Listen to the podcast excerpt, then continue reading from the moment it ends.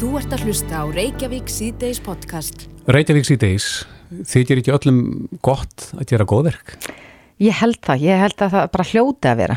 Já. Ég veit allavega sko það hefur mikið verið gert grín af mér í gegnum tíðina vegna þess að ef ég hef gert einhvers konar góðverk, sko viljandi eða óviljandi, að þá tárast ég stundum yfir eigin góðmennsku. Já, Sko, akkurat. þú veist, ég, mér líður svo vel að hafa gert þetta að, að, að ég fæ tár í augun. Já, en að þetta hafi ekki góð áhrif á ámann þar að segja að þetta hlýtur að losa um einhver efni í heilanum og svona og hlýtur að gera okkur gott. Það hlýtur að vera. Ég sá, þetta er nú hátíð ljós og friðar og, og sem er að ganga í garð og ég sá svo fallega frétt hérna á vísi.is um daginn þar sem að, konan fór í bónus og, og glemdi einhver, stóð á kassanum og var að, að fara að greiða fyrir vörðnar og glemdi einhverjum einum hlut, hleypur inn í búð, kemur tilbaka og þá hafði manneskjana eftir henni í röðinni verið búin að greiða fyrir öll innköpininnar. Mm, Já, þetta er fallegt. Já, og hún held að þetta var eitthvað mistök en, en svo var ekki, hún var bara að gera góðverk en ég get ekki svaraði hvaða, hvaða áhrif þetta hefur á okkur en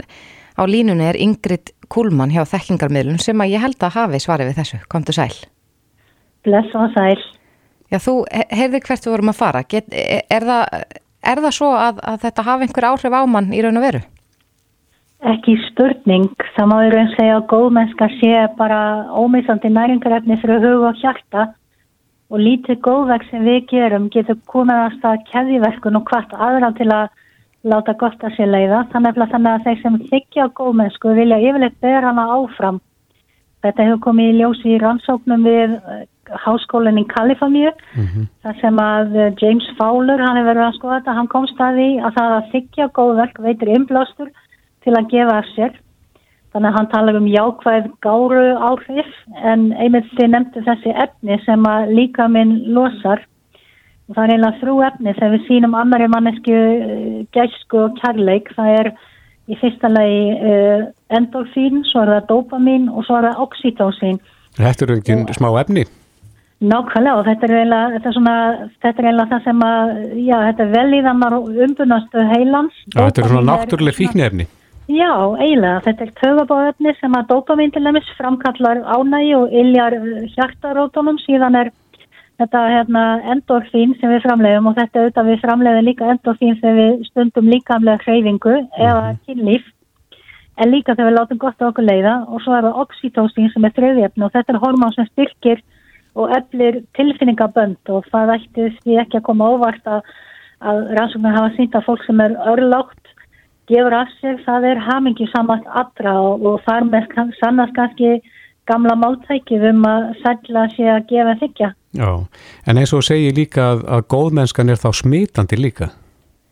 Góðverk eru bráðsmittandi því að það er þannig þegar við gefum á okkur þá vitum við að við erum að lifta upp anda einhvers og það einlega hvetur okkur til þess að, að sem sagt, þegar við gefum á okkur þá líður ekki bara þeim sem þykkur góðverki vel, þetta er líka þeim sem gefur en svo er eitt sem er mjög merkilegt í þessu við þurfum ekki einu sinna að vera beinir þáttakendur í þessu góðverki þar að segja það að verða vittni að góðverki framkallag tilfinningahæð og veitur okkur innblástur til að íta þess að til að gefa á okkur. Þannig að við verðum vittni á góðverki þá finnum við fyrir hlýju í hjartastað og þá langar okkur að bera góðmennskuna áfram. Þess að með eru góðverk bráðsmitandi. Já, þannig að þetta er bara eins og, eins og ef maður horfar eitthvað geispa þá þarf maður að geispa sjálfur.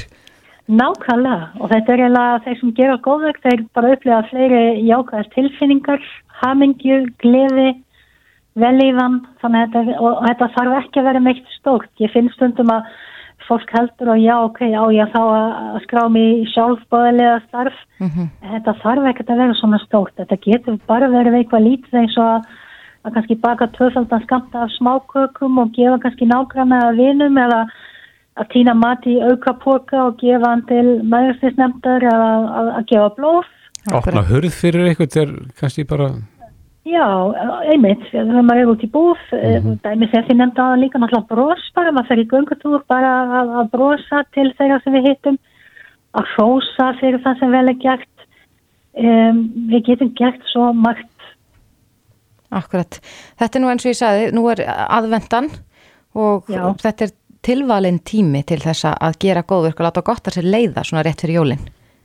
nákvæmlega og maður sér það líka bara í samfélaginu sko, nú er bara fiskvinnslu fyrirtæki til þeim sem er að gefa þrjú tonna af ísu til fjölskyldi hjálpar og þá byrkist um daginn frett að oddfólufellu eru að hérna kosta og sjá framkvæmd á þjónustumiðstu fyrir heilabilaða mm -hmm. í hafnaferði þannig að maður sér að þetta er akkurat tíma ásins sem að gott er að gefa að sér nú getum við því miður ekki farað á elli heimili til að hitta eldurborgna að syngja en við getum kannski fundið aðra leiðir til að gleðja þá Já, það hafa nú einhverju tónlistamenn verið að taka upp á því að, bara syngja fyrir utan elli heimilin. Þannig að það er, ef maður er með góða rött, þá getur maður gert það. En sko, eitt sem ég eh, velti fyrir mér í tengslu við þetta, líður manni betur ef maður lætur aðra vita að maður sé svona góður? Þess að maður sé að gera góðverk. Er það hluti af jöfnunni? Já, maður er verið að stæra sig af því. Ekki endilega. Það ég á einmitt vinkonu, hún býr í blokk og nákvæmna hennar er 83 ára og hún fer alltaf niður og feinsir að bílnum sem það tjá nákvæmna koninni, hún er ekki búin að láta vita hann að því, þetta fær hana bara til að líða vel hjartanu, við þurfum ekkert endilega að segja öðrum frá því, Nei. það eigur alltaf ekki vel í þann, bara það að gera góðverk eigur vel í þann í hjartanu. Já, höfum þetta í huga á aðvendun og kannski getur við komið þessu bara upp í vana ef við byrjum? Það er mjög gott að hafa þetta alltaf í huga bara hverjum degi, að, að hafa sem markmið bara að gera alltaf eitt. Já, en, endalös vel í þann? Endalins vel í það, nákvæmlega. Já, Ingrid Kúlmann hjá Þetningamilun, kæra þakki fyrir þetta og góða helgi. Takk sem við leiðis, góða helgi. Bless, bless. Bless. Þú ert að hlusta á Reykjavík C-Days podcast. Reykjavík C-Days, það er nú svona í mörgkotna lítið þegar það kemur að fjárhag þjóðarinnar, bæði fyrirtækja og einstaklinga. Já, en það eru já, svona nokkuð erfiðir tímar núna og, og við veitum ekki alveg hvað skal koma. Nei. En við spurðum meðal annars uh, eh, Sæðanbakastjóra hérna um daginn af því hvort að það þyrti að, og hvort að hann eh, mælti með því að, að til þess að ávaksta pundið, að það gæti ætti almenningur að huga meira því að fjárfesta í hlutabrjöfum, mm -hmm. Þar sem að bankarnir eru nætti að bjóða upp á íkja góða ávakstun þessa dagina? Nei, ekki náðu sem hefðbundnu spartnaða reikningum en, en hann síðan töluðu við Gilva Sóga sem nú reyndar mælti með því að, að við myndum bara fjárfesta í steipu, að það væri besta fjárfestingin. Já, akkurat. En við sjáum það inni á stjórnarraðsvefnum að nú er Bjarni Benettisson, fjármálar á þeirra, að, að leggja til í þeim mista tvö mál sem við ætlum að ræða við hann hérna á eftir en annað þeirra snýrað því að auðvelda fólki að taka þátt í viðspilninu með því að fjárfesta í fyrirtækjum, kaupa hlutabrif. Bjarni er á línu, kom til sæl. Komið sæl. Já, út af hvað gengur þetta hjá þér? Já, þetta er sem sagt breyting sem að e, felur það í sér að við ætlum að hækka svo kallar frítekjumark og um, það hefur verið í gildi frítekjumark vaksta tekna upp í 150.000 og þetta þýðir semst að menn borg ekki skatt þá af fyrstu 150.000 krónunum mm -hmm. en uh, nú erum við að breyta þessu og hækka þakkið upp í 300.000 krónur og uh, fella inn undir frítekjumarkið uh, arðstekjur og söluhagnað hlutabriða Þetta þýðir semst á það að nú verður þetta að lögum að þá mun arður og söluhagnaður hlutabriða fara inn undir frítekjumarkið þannig að fyrstu 300.000 krónurnar í tekjur uh, eru þá án skattlagningar. Mm -hmm. Er þetta bjarni, er, er þetta stílað almenningi þannig að sko hinn almenni borgari geti tekið lausafið og, og keift hlutabrif?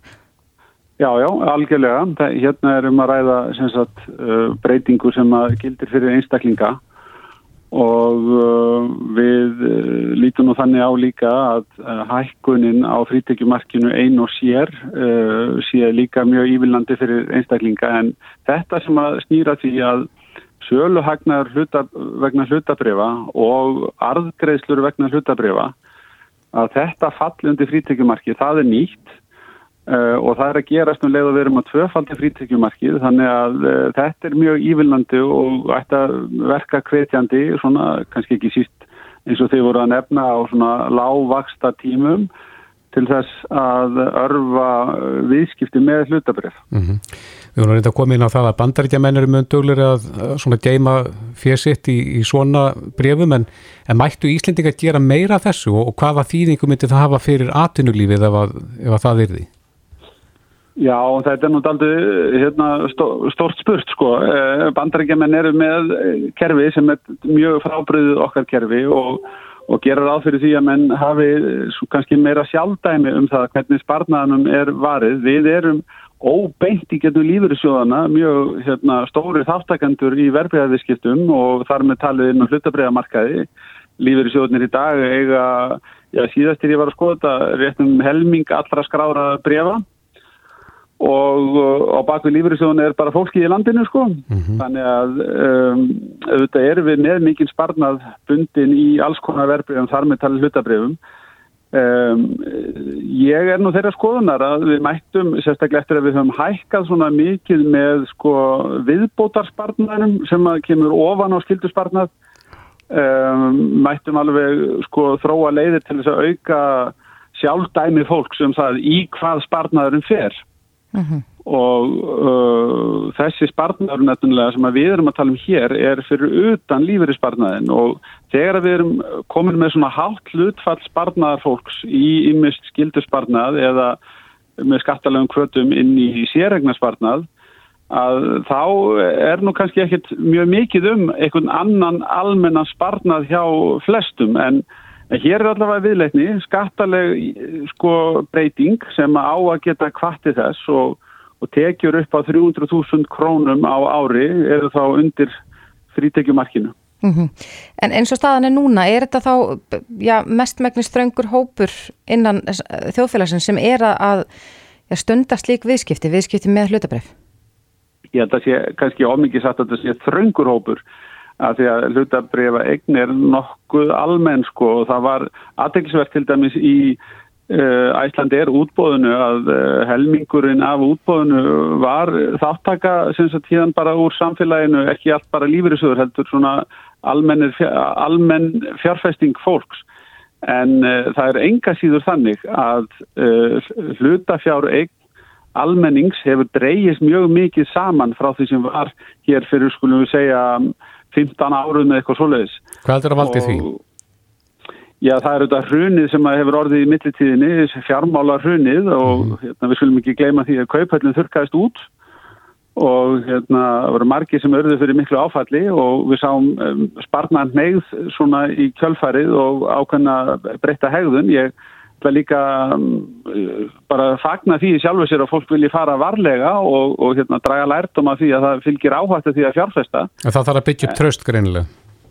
Já, já, það hefur tekið tíma en, en hérna, við vitum á sama tíma að, að um, það er mikill sparnadur til staðar og eins og ég nefndi í þessu útbóði sem að fór fram fyrir á þessu ári að, að hérna, það komi ljósa, það var löst fyrir, það vant að ekki peningi þjóðfélagi til þess að, að hérna, klára það hlutafjárútbóð Eh, þannig að ég held að um, smám saman með því að kaupöllin byggjast upp og, og, og ef fólk sér að það er jafnbæ í efnaðasmálum og, og uh, svona það vex uh, magn viðskipta í kaupöllinni í öfnum skrefum að þá held ég að það endur heintist þetta tröst og það má svo sem alveg líka sjá fyrir sér af valkostunum fjölgi á íslenska hlutabriðamarkaðanum. Uh, það eru líka spennandi hlutir að gera þarna á First North Þannig að uh, það er sko margt sem að mælir mjög með því að við grípum til aðgerða svona innan skynsalega marka og hérna eru við að stíga slíkt skref til ég mm -hmm. til þess að hvetja til frekari sparnar í hlutabrefum sem er í raun og veru fjárfesting í íslensku atvinnulífi. Já, hitt málið sem að þú leggur til Bjarni það er reynda mál sem við hefum líka rætt hér í þessum þætti og, og það er langan tíma. Og þetta er sandgetnismál, það er að segja sölu hagnaður af sölu frístundahúsa hefur nú verið skatlaður á fullu og mörgum hefur þótt það blóðugt en þú ætlar að breyta því? Já, við ætlum að um, fella sumarhúsin, samkvæmt þessu frumvarpi sem er í þinginu, innundir sömurreglu og gildir um aðra fasteg sem að fólk hefur til einnóta og það er þarna ákveðin skilirði varðandi heldar stærðina í rúmmetrum og, og, og egnarhaldið, uh -huh. það er að segja egnarhaldstíman en að öðru leiti þá erum við sem sagt, eh, ef menn uppfylla þau skilirði sem að langt flestir gera í yfirgnæfendi uh, fjölda tilveika varðandi stærðamöskinn og, og hérna er í frumvarpinu talað um að fólk hafi þurft að eiga frísundurhúsna í fimm ár að þá verður skala, salan hérna skatt frjáls Það hefur auðvitað verið ósangjant að einhver sem að selur segjum sumabústað hérna á Suðurlandi eh, lendi í skattlagningu þegar annar sem að selur aðra íbúð sína í eh, þjættbílinu þar rétt hjá eh, er skattlaus. Mm -hmm. Og það er bæðið sem þá skattalega áhrifin en síðan koma önnur kerfi hérna inn í spilið, nefnilega skerðingarnar í almannatryggingum þar sem að uh, viðkomandi sem seldi sumarhúsi verður fyrir skerðingum en ekki hinn og það mun þá breytast með þessari breytingu. Við verum bæði semst á að leta skattinum af þessu og uh, það þýðir að það sem þetta er ekki skattskildatekjur þá leiðar ekki til skerðinga almandringa. Akkurat. Uh, þetta eru breytingar á lögum um tekjurskatt. Telur að þessu verði vel tekið í þinginu eða byggstu við því að, að þessu verði mótmælt? Já, mér sýnist þetta að hafa fallið í bara ágættis í jarðveg sko. Það er eh, hérna svolítið sérsta þessa dagana, það er ekki vennjulegar umræður um mál verði að segja vegna þess að, að við erum með allar þessar COVID-rástafanir og það hefur svona almennt orðið til þess að mælindaskráin hefur verið stýttir en maður á að vennjast en um, að því marki sem að þetta var rætt sérstaklega í þinginu þá finnst mér þetta að hafa fengið ágættis viðbröð og þau viðbröð sem ég hef fengið svona úr þjóðfélaginu eru gríðarlega jákvæð. Ég er þeirra skoðan að þetta sé mikið sangetnismál. Þetta er bæði upp á það að, að, að gera að, að hlutir sem eru í eðli sínu mjög sambæri leigir séu skatlaði með sama hætti og, og svo hefur það komið mjög í bakið á mörgum að verða fyrir skerðingum í almanntrengingikerfinu þegar að menn leysa einn eða, eða losa um eignir í frístundahúsnæði. Þetta er, getur verið mjög raunhæft dæmi þegar til dæmis eldri fjón uh, eiga í hlut og, og stundum er það þannig að kannski annar makinn fellur frá og, og þá er frístundarhúsnaði selt. En það þarf svona ekki að hafa þurft að koma til andlátt smaka til þess að fólk selji hús en uh, aðstæðar fólks eru bara svo mismandi og þá kemur það íðulega illa út og maður hefur fengið marga kvartanir þessa efnis í gennum tíðina að það kemur í bakið á fólki að að það hafi svona mikil áhrif og útreikning uh, þeirra réttinda sem við komandi hefur verið að horfa til í almantringin kjærfinu. Já, eitt svona í blá lókin bjarni að því að nú stendur fyrir dyrum uh, stór söfnun fyrir uh, S.A.A. og uh, það sem að þeir eru að leita eftir fjármagnar til þess að fjármagnar starfsemi sína hefur komið til tals að, að eirðamert eitthvað hlut af áfengistjaldinu þessari starfsemi þar sem að þeir þurfa að kljástu afleðingarnar. Nei, við höfum nú ekki gert það en, en það er nú ágætt að þú nefnir svona starfsemi eins og þessa vegna þess að það er nú enn eitt frumvarpi sem ég var að mæla fyrir í þinginu í vikunni. Það er til þess að, að hvetja fyrirtæki og einstaklinga til þess að leggja almannaheitla samtökum til stuðning og fá á móti frádrátt á, á skattstofni og við erum að gera verulega breytingar í þessu efni sem að eiga einmitt að að, að gera alls konar almanna heila starfsemi í landinu mm -hmm. auðveldara með að ná markmiðum sínum og, og, og efla starfsemi sína og ég vil bara meina að við séum að, að, að breyta skattkerfinu í þá átt að skattkerfi segi við alltaf fólk sem er að vinna svona mikilvæg vinnu fyrir samfélagið að, að við kunnum að meta það starf. Mm -hmm. En væri óeðlilegt að hluti af áfengistjaldinu væri erðnavert í svona starfsemi? Sko það er þetta óbeitt stuðningur uh, í gegnum ríkisjóð. Uh, við höfum verið að fara í hináttina, við höfum verið að draga úr uh, svona merkingu einstakara tekjustofna við tiltekin verkefni og höfum alveg markvist verið að draga úr því og, og, og segjum bara á móti sko á endanum þá fer þetta allt inn á sama tekareikningin sko alla skattekjur og, og svo stöndum við bara frammi fyrir einhverjum hauga verkefnum og það er vond þegar við höfum tekið sumartekjur og eirnamettar alveg sérstaklega í tildekkin verkefni og við höfum viljað draga úr því og horfast bara í augu við það hvað eru við tilbúin til þess að leggja til um, í þeim tilgangi að efla starfsemi eins og þessa Já. og setja það bara, bara útgælda liðina. Akkurat. Bjarni Bendiktsson, fjármálur á þeirra, kærar þakki fyrir þetta og góða Já. helgi. Takk sem leiðis. Hlustaðu hvena sem er á Reykjavík C-Days podcast. Reykjavík C-Days á bylkinu heldur áfram. Uh, nú hefur ríkistjórnin samþygt að taka upp COVID-19 viðvörnakerfi sem byggir á litum. Þetta er þetta litakerfi mm -hmm. sem við höfum nú rætt oftar neinsni og er búið að vera í, í vinslu í dágóðan tíma. Allir það komið þá sagt, allir það spili inn í sko hvernig sóttvörnum verður háttað á hverju svæði fyrir sig þannig að það er ekki svömmu kannski hertu sóttvarnir allstaðar á landinu. Já, ég held að þetta snúist akkurat um það að, að það geti verið sko gul viðvörn og höfbrukarsvæðinu en, mm -hmm. en e, bara, mér sínast að vera grá það er þetta svo kallega nýja normið Já. kannski það á, á öllum, í öllum öðrum landslutum. Já, Rákvaldur Ólarsson aðstofar yfirlörglu þjóttn hjá Almannavarnateild Ríkislörglustjórir á línu, kom til sæl. Já, sælur þið. Farðu nú aðeins yfir þetta litakóða kerfi, hvernig, hvernig virkar þetta? Já, þetta er svona verið að reyna að setja einhvern svona fyrirsjónleika inn í þetta eins og hægt er. Já. Þannig að fólk getur svona átt að sjá því uh, hvaða tæki við erum að, hvaða tækjum við erum að beita og í hvaða samingi þeim er beitt. Já, getur nefnt okkur dæmi? Já, til dæmis bara hvenar eh, hérna, á, á að nota persónulega sóttvarnir og, og hvernig al, hérna, almenningssamgöngum er hátt og, og hvað ekki gildi fyrir skólana og svo fæðis. Mm -hmm. Þannig að núna raukvældur er til dæmis sami litur út um all landið það ekki? Já. Og sóttvarnir eftir því, eh, tíu manna samkomið takmarkanir og, og annars líkt ákveðin fyrirtæki lokuð og stopnanir. Þannig að við erum að tala um að það getur þá verið opið í sund til dæmis á öllum svæðun nema einu. Eh, það er möguleiki. Það hérna, býður alveg upp á þann sveginleika og svo er bara að sjá til hvort að hann verið nýttur þegar þetta kemur til en það er líka ágætt af í huga þetta svo mikið endilega einhver, einhver gríðileg breyting á því sem við verðum að gera þetta er kannski aðalega bara að setja þetta í eitthvað samengi og, og allir hafa svipað skilning á því hvernig staðan er ekki ósvipað og og þetta lítið við erum kerið sem viðastofn að nota að hafa allir svona sveipan skilning á því hvað hver lítið þýðir. Mm -hmm.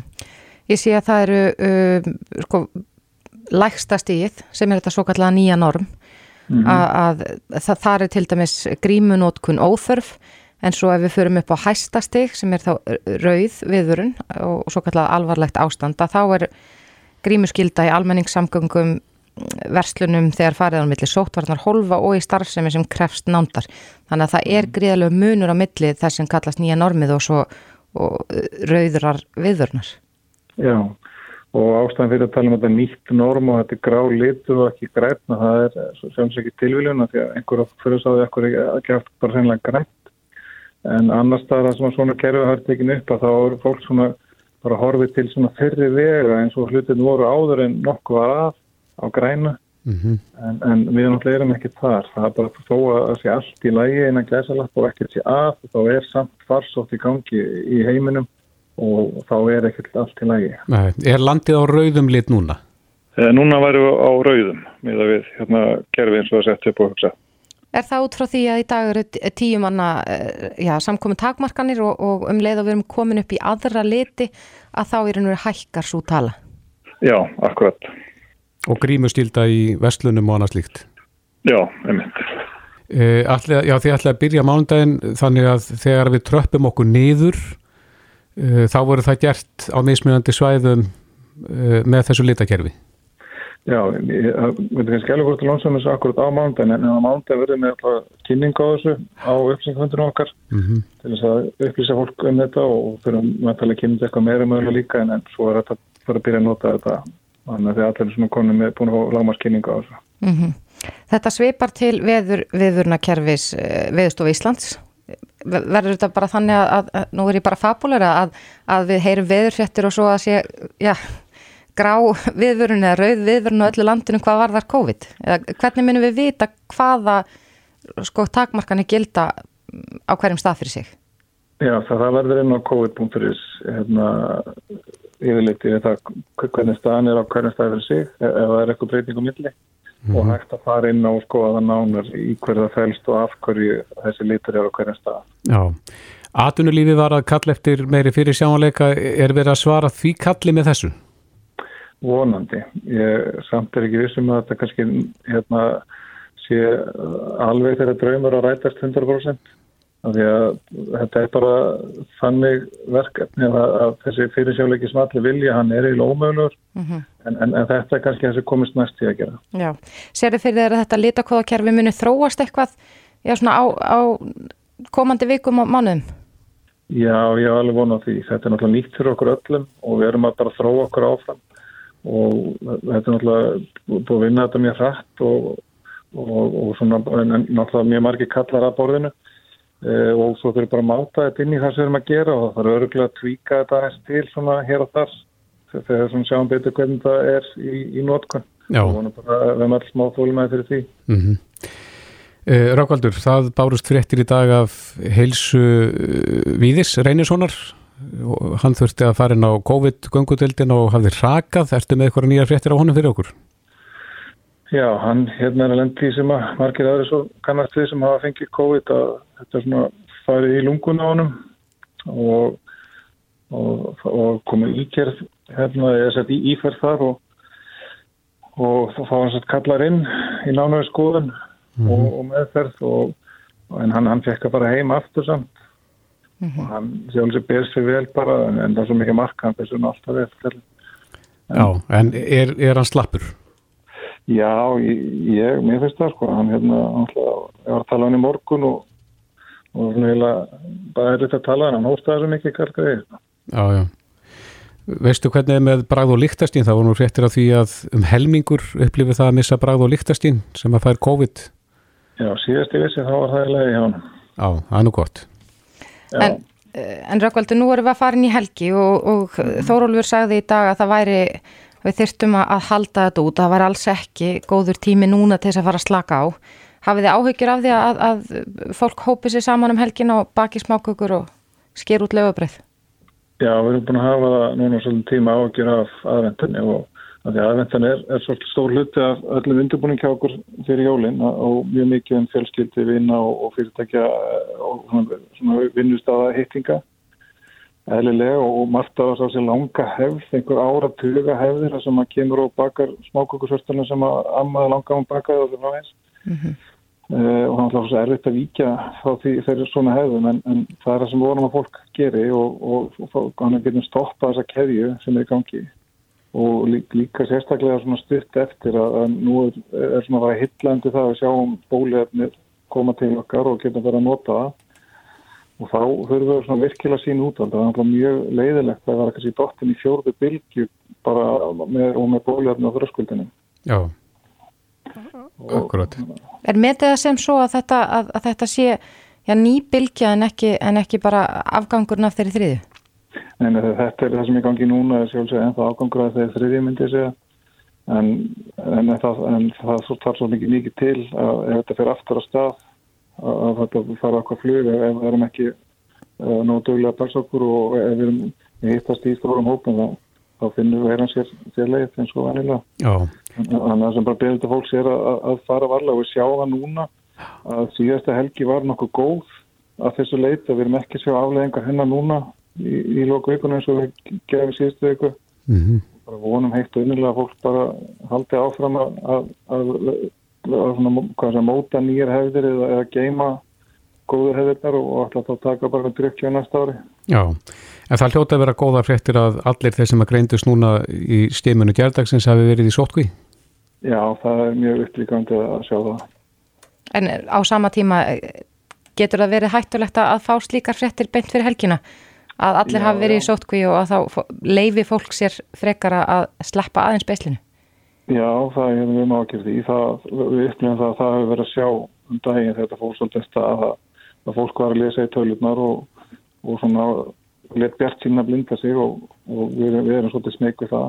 Og setjum svolítið í samingi við því að nú að fátt sig hérna í, í bandarækjum á ágjör af hérna, þakkakjöða helginni mm -hmm. stóð helgi hjá, hjá þeim og aðvendan er að stóru mörgur leiti einstáð þakkagjörða hátíð fyrir okkur þar sem fólk er að koma saman hverja helgi. Þannig að þetta er eiginlega fjóra þakkagjörða hátíð sem við erum að gera Já, akkurat. Rákvaldur Óláfsson, aðstóður yfirlauruglu þjóttn hjá Almannamarnadeild Ríkislaurugustjóra Takk fyrir þetta og góða helgi. Takk leiðis og góða helgi.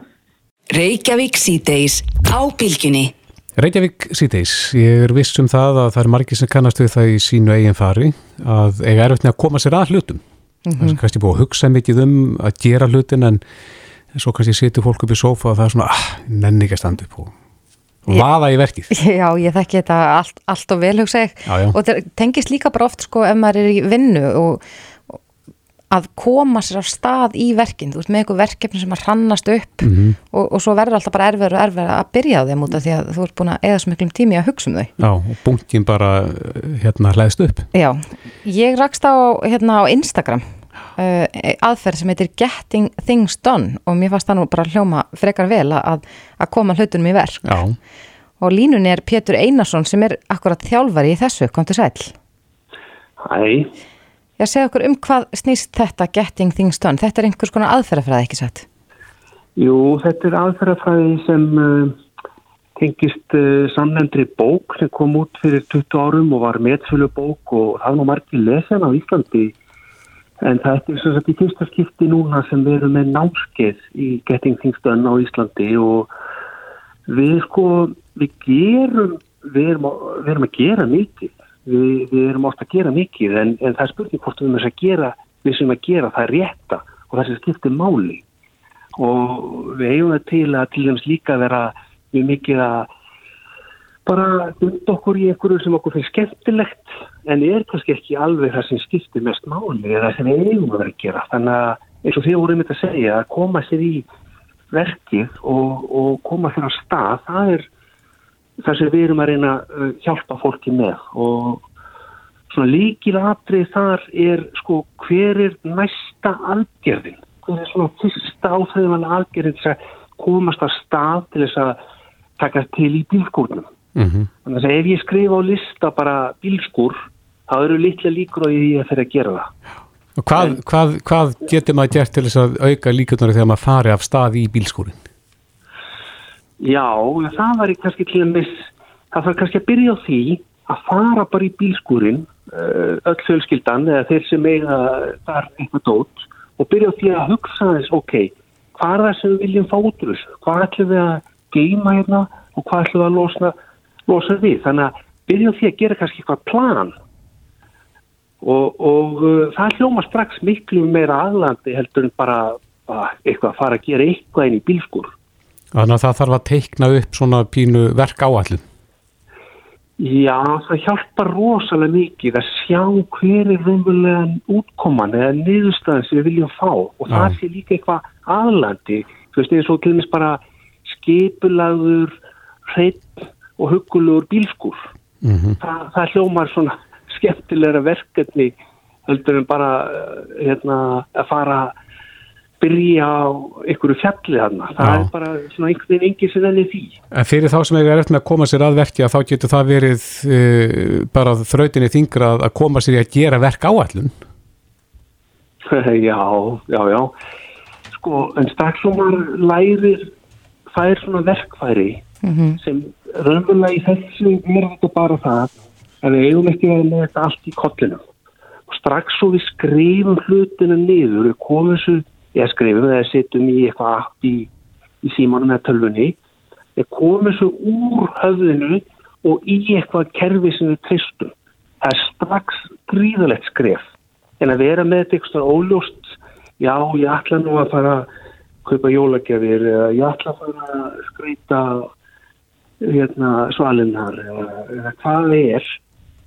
Það, sko, hausin okkur er ekki til þess að geima hugmyndir eða ábyrðasvið eða, eða hvað við ætlum okkur að gera heldur til þess að bara líða vel og, og fá góður hugmyndir og, og þess vegna er það mikið að það komi svo úr hausnum og í eitthvað kerfi og það er það sem við, við hjálpum fólki með. Akkurat. En, en eh, þe- þetta er ekki bara eh, sko tól til þess að nýta í heimilisverkin. Þú getur yfirfært þetta yfir á, á hvaða svið sem er, til dæmis bara í vinnu eða Já, já. Þetta, er fyrst og fremst, já, þetta er svona, já, bæði vinnu og, og, um, og heima fyrir. Þetta byrjaði fyrst og fremst í vinnu og vinnu tengt. En svo er fólk bara búin að yfirfara þetta einmitt á uh, heima fyrir og bara í enga, lífinu.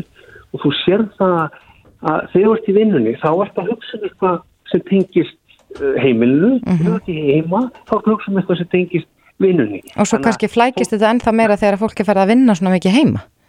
nákvæmlega og við sjáum að stress hefur aukist núna þegar fólk í COVID og fólk er jafnvel að vinna heima og ætti að vera bara mjög rólegt en það er kannski vegna þess að það var erfitt með að fá forgómsrafa og átt að segja ok, hvað hvað er þessi raunverulega skipti máli og hvað á ég að vera að gera að þetta er ekki endilega alltaf spurningum að gera meira heldur en að gera rétt og einbeita sér. Verð ekki að reyna að gera margar hluti í einu. Það er bara virkar ekki. Nei. Hvar getur fólk kynnt sér nánast, nánar þessa aðferðafræði? Uh, við erum heimasíðu sem er sko, sko getting things done stiktningin af því sem er vilt notuðu GTD þannig að það er gttnordic.is Akkurat og á Facebook líka og og á Instagram, þar sem ég rakst nú á ykkur. En segð mér, mér finnst eins og ég hafi séð einhver tíma svona bækur sko, þar sem þú getur verið að, að skrifa í. Svona eins og eiginlega einhverja dagbækur sem eru mertar uh, Getting Things Done. Já, en sko raunverulega er, er hugsaðum þú að þú byrjir til þitt eigi terfi mm -hmm. ákveður hvort þú vilt vera með þetta að skrifa á blad eða nota app eða nota outlook eða nota mark eða hvað hefði þér. Og og við sínum, það er svo mikilvægt að þú finnir þitt eigi kerfi þess að það er þú sem ert að fara að nota þetta og treysta á þetta. Og þetta er ekki einhver bara svona ég kaupi þetta eða kaupi þetta þá er bara uh, lífið mitt orðið fullkomist Akkurat. Við verðum að hafa því Nei. Já. Þetta er ekki, allavega ekki skindilust en við hvetjum fólk til þess að kynna sér þetta Getting Things Done eða GTD Betur Einarsson þjálfari í Getting, Getting Things Done. Kæra þakki fyrir þetta og góða helgi. Já, takk Reykjavík síðdeis Bye bye. Þetta er Reykjavík síðdeis podcast. Reykjavík síðdeis við heyrðum nú fljótlega í fyrstu bylgjunni af COVID-göngudeldinni Ég held að þetta var nú verið uh, sko eitt af því sem að vakti einna mest aðtegli og, og menn voru svolítið röggsamir í að koma þessari deild á lakirnar. Já. Og hefur hjálpað mörgum og hún hefur fengið lof fyrir og starfsfólki sem að vinna þar. En okkur leikur farautna að vita hvernig gengur núna í þriðjubilgjunni. Akkurat. Og er munur á þessum biljum. Já og hvort er svona, já, akkurat hver munur er, ég hugsa að sé nú munur, við erum oft heyrta að það sé svona tölvöld öðru vísi veikindi núna og jafnvel aldursópar mm -hmm. en já, það er forvitn, forvitnilegt að vita. Já, Ragnar Freyr Ingvarsson, umsjónuleiknir COVID-göngudild allanspítalans er á línu, kom til sæl. Góðan og blessaðan daginn. Já, ef við byrjum á þessu, er, er munur, mikill munur á fyrstu bylgjunni og veikindunum í þeirri bylgju og núna í þriðju? Já, það er vissulega blæbreða munur á þessum bylgjum. Fyrsta bylgjan samast og náttúrulega mest af þessum fólki sem komað utan að skýðafríum sem smitaði svo sína nánustu. Mm -hmm. En uh, önnur og þriðja bylgjan var mest borin uppi af kannski yngra fólki sem var kannski meðaltali svona 10-12 árum yngra meðaltali. En það er þó að breytast núna á setni vikunum, þá er þetta svona orðið aldrei keimlíkt. Mm -hmm.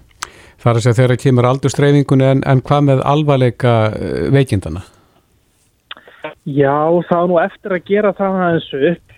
Um, mér sínist sem svo að okkur hafi gengið bærilega í, í þriðju bylgjunni ef frá er talið náttúrulega þessi hópsíking á landakoti. En um, uh, holt og bolt hefur gengið nokkuð vel að meta og meðhandla þá sjúklingar sem hafa komið til okkar kasta. Akkurat, en, en, en finnir þið einhvern mun á sko enginum þeirra sem er að koma til ykkar? Maður hefur oft heilt talað um að í fyrstu bylginu hafi lang flestir verið með hita til dæmis en, en að það sé ekki endilega raunin núna?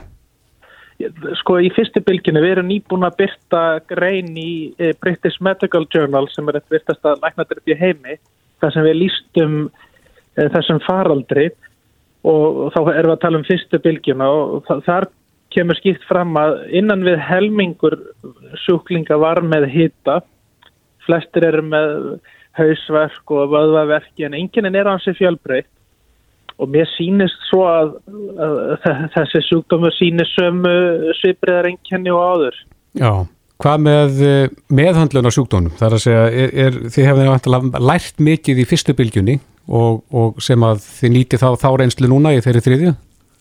Já, svo sannarlega. Þar hefur, þar hefur mikið breyst.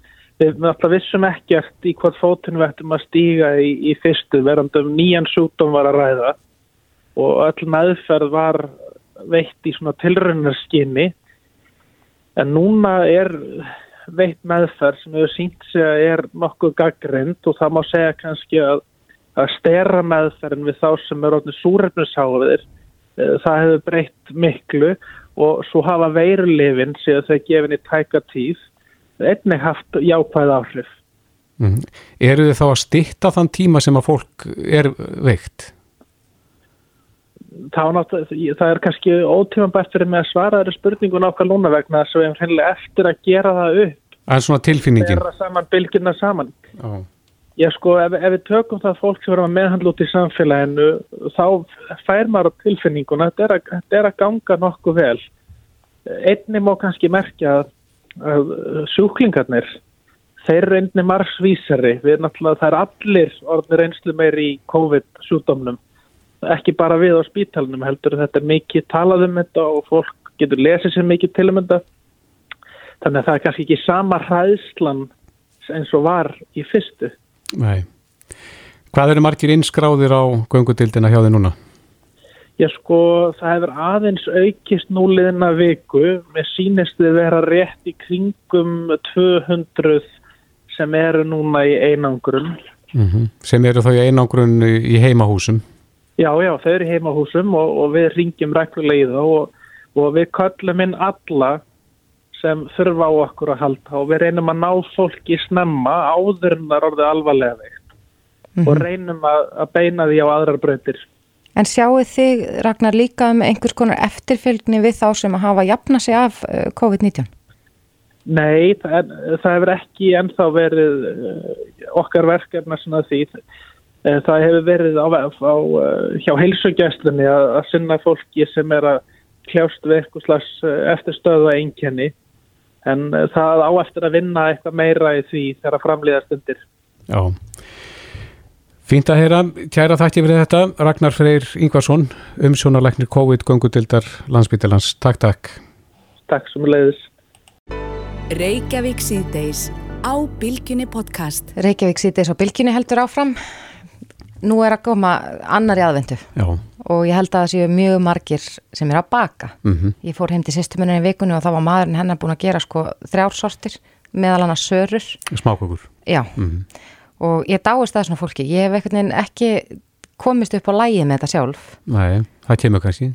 Já, kannski sjáum til hvort það gerist, en, en ég, eins og ég segi ég dást af fólki sem hefur, hefur bara bæðið þólumæðin og áhugan á þessu. En, en hins vegar það langar mann alveg að prófa en spurningin er hvað maður að byrja? Já, við erum með kunnáttu konu í því á línni sem er að gefa út bók. Er það ekki um eh, meðal annars bakstur? Akkurat, það er hún Linda Ben uppskrifta höfundur, kom til sæl. Já, sæl.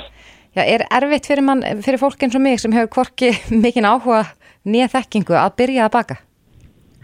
Nei, ég reyni ekki. Þetta er bara áhugin, bara byrja og reyna. Akkurat. En, en þú hefur lengi verið, þú ert búin að vera að blogga og mikið að sína á samfélagsmiðlum að sjálfur þið bæða elda og baka. Hvaðan kemur allir þessi Já. matar áhugi? Ég hef bara alltaf haft áhuga á að baka og elda. Þetta er bara, ég er alveg svona upp, ég er alveg upp að konum sem eru mikið að baka og elda. Þannig að þetta er bara verið samofið bara mér alltaf. Mm -hmm. En þar maður eiga allar græur til þess að, að geta byrjað? Nei, alls ekki. Þú, það þarf verið nekkert mikið. Það er alltaf vola gott að eiga hrærivel samt og bakar á. En er þetta að nota eitthvað annað í staðin fyrir hrærivilina? Uh, til dæmis handsætara. Já. Bæði hægt að nota ramagshandsætara og bara vennilega handsætara. En kemur, er hægt samt að bara sleppa algjörlega hrærivilinu eða þú ert að gera einhverja lakrist hoppa þar sem þú ert að stífþeita mm. ekki að kvitur, er Já. þetta hægt án hrærivilar? Ég myndi bara baka þá eitthvað annað Ekkert að reymbast í það? Ég myndi allavega bara fara ykkur aðra átt En Linda segir mér, eru einhverju svona sko, ég, maður veit að í öllu nánast er hægt að segja að það sé einhvers konar tískubilgjur bæði mm. í nammi og jafnvel í bakstri er eitthvað svona núna í ár sem þú hefur sérstaklega tekið eftir að sé vinselta að fólk sé að baka? Um, það var mjög mikið verið að baka næ í fyrstu bylginni og þá var sérstaklega djöflatertan mjög vinsal Já. og kanniskóðan er mjúku mm -hmm. það var svona, það var mikil tískubilgja þá Eru sörurnar núna vinsælar? Mm Já, alveg mjög. En þú, það þarf nú eitthvað smá kunst til þess að gera er ekki satt? Jú, svolítið, en í bókinu minni er ég með alveg ótrúlega góða söruskrift sem er mjög einföld. Akkurat, en segð okkur aðeins frá bókin, hún heitir Kökur og hún er komin út eða ekki? Já. Og Jú, þannig er þú með bara allskynns uppskriftir, ekki bara af kökum? Ég er með allskynns uppskriftir aðalega kökum, líka brauðrétti og til dæmis bananbrauð og pönnukökur, en svona mestmægniskökur. Og er þetta uppskriftir sem að þú hefur svona verið að stilla af og uh, breyta þá kannski? Uh, þetta er allt uppskriftir sem að ég hef hérna bara, já, gert í gegnum tíðina Mm -hmm. og þetta er blanda af nýjum uppskriftum og alveg bara klassiskum uppskriftum sem ég er búin að setja minn snúning á. Já, því að þú seg, sagðir án að þú væri með í bókinni mjög góð uppskrift, það er þessi söru uppskrift. Já, Eru til margar mismunandi uppskriftir af sörum? já, það eru til nokkra mismunandi uppskriftur og sörum. Um, hægt að gera þetta með alls konar útfæslum. Akkurat, þannig að, það, að fá sér söru er ekkit endilega sama hvort þú sést á te og kaffi eða kaffitári eða, eða bara í heimabakstri. Nákvæmlega. Mm, það er hægt að gera þetta alveg bara mjög mismunandi.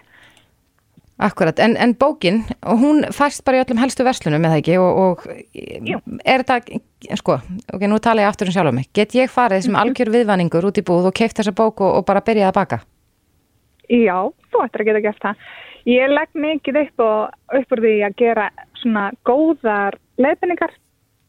Þannig að svona flest allir ætti að geta baka kukkars. Glæsilegt. Linda Ben, uppskriftahöndur, kæra þakki fyrir þetta og góða helgi. Já, takk fyrir sumulegis.